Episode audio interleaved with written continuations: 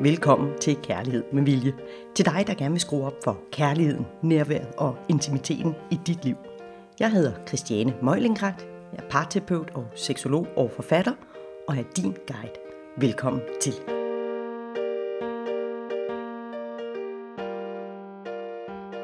Hvordan starter man egentlig den gode dialog, når det hele er blevet lidt svært? Det her lille love hack, det handler om to ingredienser, som er med til at gøre den gode dialog. Og så lige det der, den der underliggende faktor, som af og til kan sabotere det hele. Så i dag skal vi tale om, hvad gør vi for at gå ind i en god dialog, og også hvad vi ikke skal gøre for at gå ind i den gode dialog. Og det hele, det er startet af et spørgsmål, jeg har fået fra en kvinde, som føler, at hun er udfordret på lige præcis den gode dialog. Faktisk føler hun, at det er super, super svært at få sin mand i tale. Og det bliver jeg jo nødt til at sige, det er hun absolut ikke enig om. Jeg tror, den har jeg hørt hundredvis af gange, og særligt fra kvinder. Og det hun egentlig spørger om, det er, hvordan får, hvordan får man startet den gode dialog, så man får lukket kapitlet, og det enten er slut, eller man kan starte på et nyt sammen. Og nu lige i den hendes specifikke situation, der er parforholdet muligvis slut, og derfor er det sådan. Men det her, som jeg gerne vil dykke ned i i dag, er virkeligheden nogle små tips. Det er lidt til, hvordan kan vi i det hele taget starte en god dialog.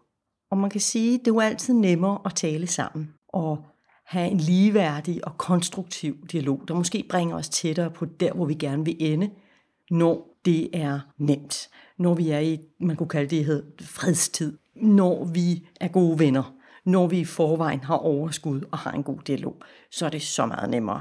Men desværre er livet jo ikke sådan.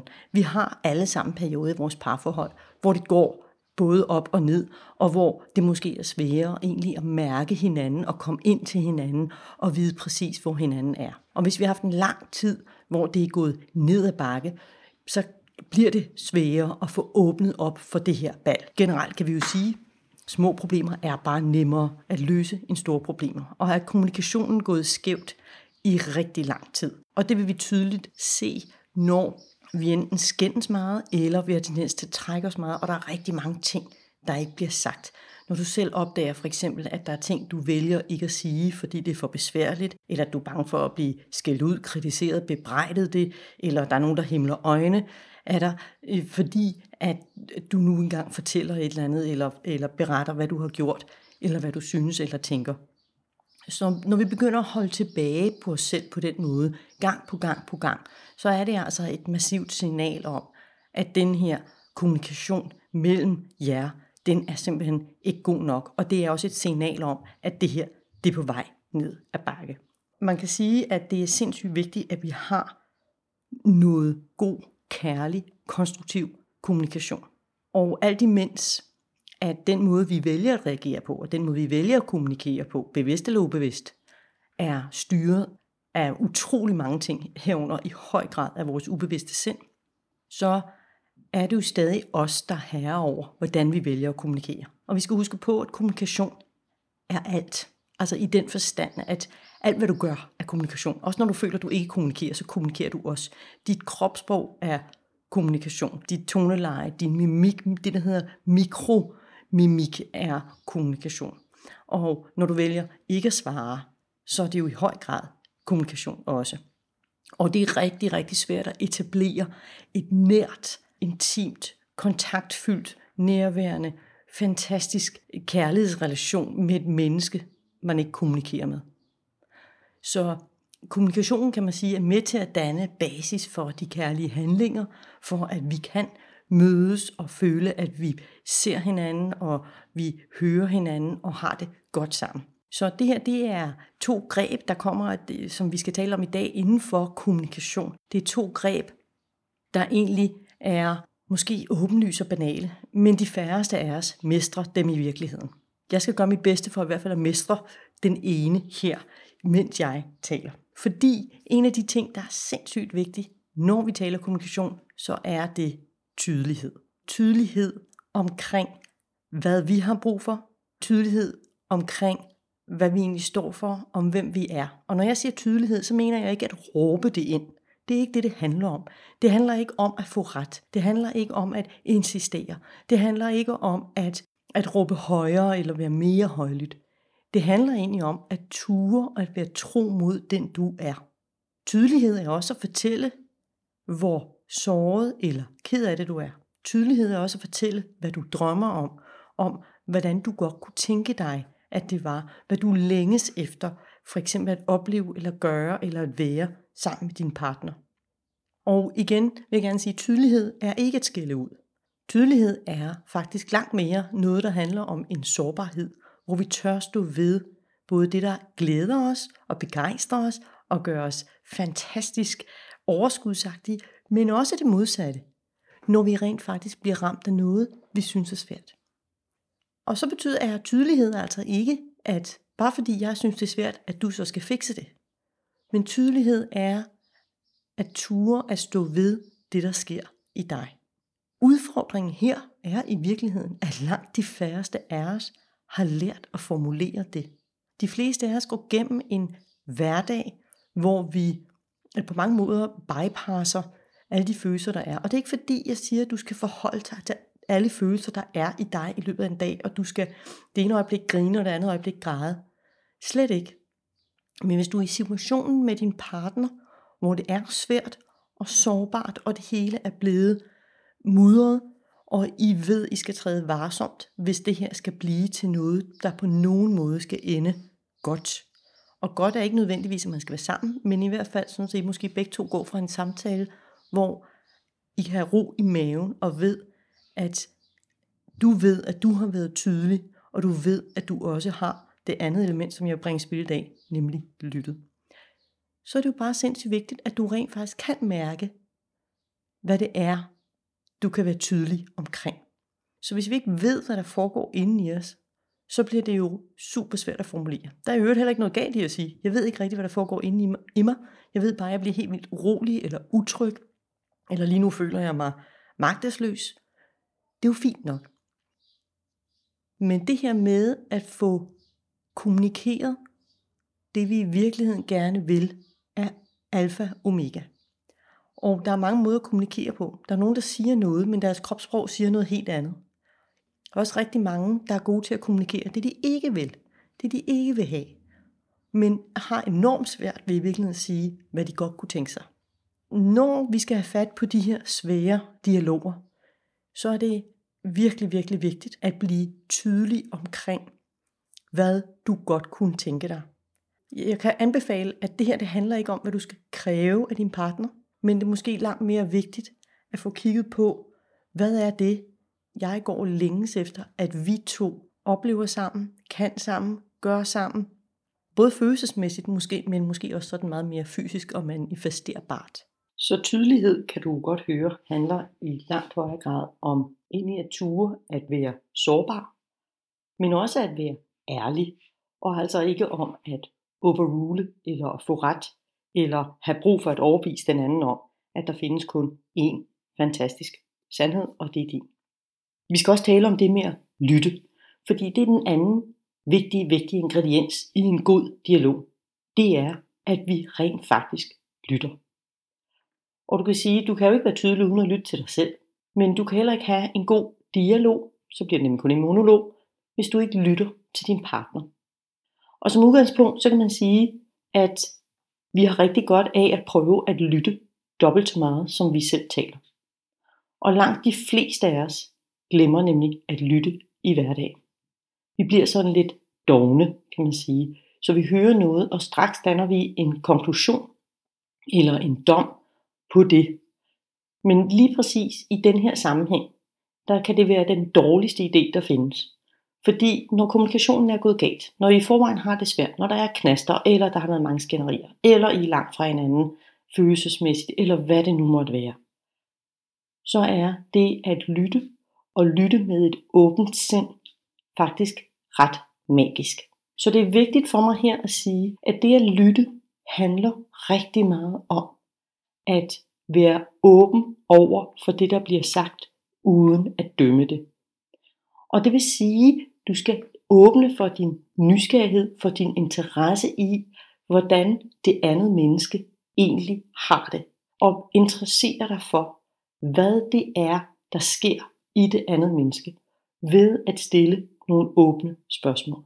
Så snart du begynder at drage til konklusioner, så snart du begynder ind i dit hoved og er mere optaget af, hvad du selv skal sige som det næste, så er du i gang med at feje det her menneske af. Og det tror jeg ikke, du selv ønsker skal ske for dig. Jeg tror faktisk, du selv ønsker, at din partner gider at høre på, hvad du siger, og gider have et åbent sind for, at din sandhed er lige så god som hans eller hendes. Jeg tror, du selv ønsker, at der er nogen, der gider prøve at forstå, hvordan du har det, og prøve at sætte sig ind i, hvordan du oplever tingene, og de følelser, du har med, og hvad det er, der sker for dig, og hvorfor du vælger at gøre, som du gør, med en vis empati og sympati. Og det er lige præcis det, jeg beder dig om at udvise over for den person, du nu skal i en dialog med. Fordi de gode dialoger, de baserer sig i høj grad på, at vi gider oprigtigt at lytte til hinanden. Det er også det, man kan kalde se hinanden, eller høre hinanden, eller møde hinanden der, hvor vi er.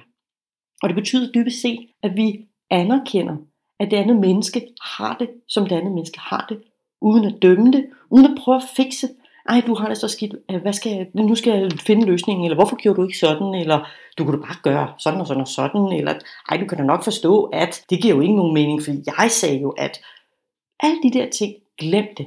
Drop det lige den her samtale, fordi hvis det her skal vendes til noget, der bliver positivt, eller giver en eller anden form for forløsning, eller på en eller anden måde, bringer jeg et godt sted hen, så bliver I nødt til at være åbne over for at lytte til, hvad der sker i den anden person. Det betyder ikke nødvendigvis, at man er enig. Det kan også godt være, at du ikke forstår det, og det er faktisk okay. Der er ikke nogen, der siger, at du skal forstå din partner. Men det du med fordel kan gøre, det er at acceptere, at vedkommende har det, som vedkommende har det. Og så kan du jo åbne op for at sige for eksempel, fortæl mig noget mere. Eller, jeg vil virkelig, virkelig gerne forstå, hvad det er, du prøver at sige til mig. Eller, hvad er det, der gjorde, det blev sådan her? Hvad, hvad, hvad følte du? Eller hvordan oplevede du det her? Og det kræver faktisk det her med, at vi lytter. Og en ting, der er stensikker, det er, at vi kan ikke lytte, hvis vi tager ting personligt. Så hvis din partner bliver såret over noget, eller vred på noget, eller på anden måde reagerer på en måde, som du ikke bryder dig om, og du så begynder at gå i reaktion, eller i forsvar, eller øh, at forklare dig, så har du ikke lyttet så er du i gang med at være mere optaget af, hvad der foregår inde i dig. Og så lytter du faktisk ikke efter over for det andet menneske. Øhm, fordi du tager tingene personligt. Men det vil jeg super gerne tale om en anden dag. Det her med at tage tingene personligt. At få dykket ned i, hvad handler det om. Når vi taler om den her dialog, som skal være god for, at vi kan faktisk komme videre med den. For at vi kan skabe noget, frem for at bare lukke en masse øh, ned, og egentlig ikke, øh, altså det kun bringer os mere frustration og et dårligere sted hen, der hvor vi startede. Så bliver vi nødt til at huske på, at der er faktisk en faktor inde i os, som styrer os rimelig kraftigt. Og den har jeg talt om i et tidligere afsnit, nemlig det, der hedder fortolkningen. Og du skal se på det lidt som et isbjerg. At der inde i dig, al den bagage, følelsesmæssige bagage, du har med fra et helt liv, og uanset om du er bevidst om den eller ej, så har du den altså med. Du har en masse bagage med fra alle de oplevelser, du har haft i dit liv. Alle de oplevelser, der har gjort et indtryk. Dine succeser, fiaskoer, de svigt, de, de gange du følte dig støttet og, og hjulpet. Alt, hvad der, har, hvad der på nogen måde har påvirket dig i dit liv, det er en del af dig. Og det er med til at påvirke den måde, du går ind i relationer med andre mennesker. Det er med til at påvirke den måde, du hører, hvad folk siger. Og du kan være stensikker på, at hvis nogen siger noget, som du føler dig stødt af, eller ramt af på en eller anden måde, og det her det er et menneske, du virkelig gerne vil have en god dialog med, så det bedste du kan gøre, det er lige at parkere den der ramthed, og i stedet spørge ind til, hvorfor, eller hvad det er, der gør, at vedkommende siger, som de gør. Og ikke noget med at råbe det ud, eller være enormt bebrejdende, men egentlig stille, stille dig nysgerrig. For rigtig ofte, så kan du være, at det slet ikke var meningen, at det skulle ramme dig på den måde. Men det er fordi din fortolkning af tingene, den måde du oversætter det her inde i dit, dit ubevidste sind og din krop, det er farvet af den du er. Det er altså dybt, dybt personligt, hvordan vi vælger at fortolke ting.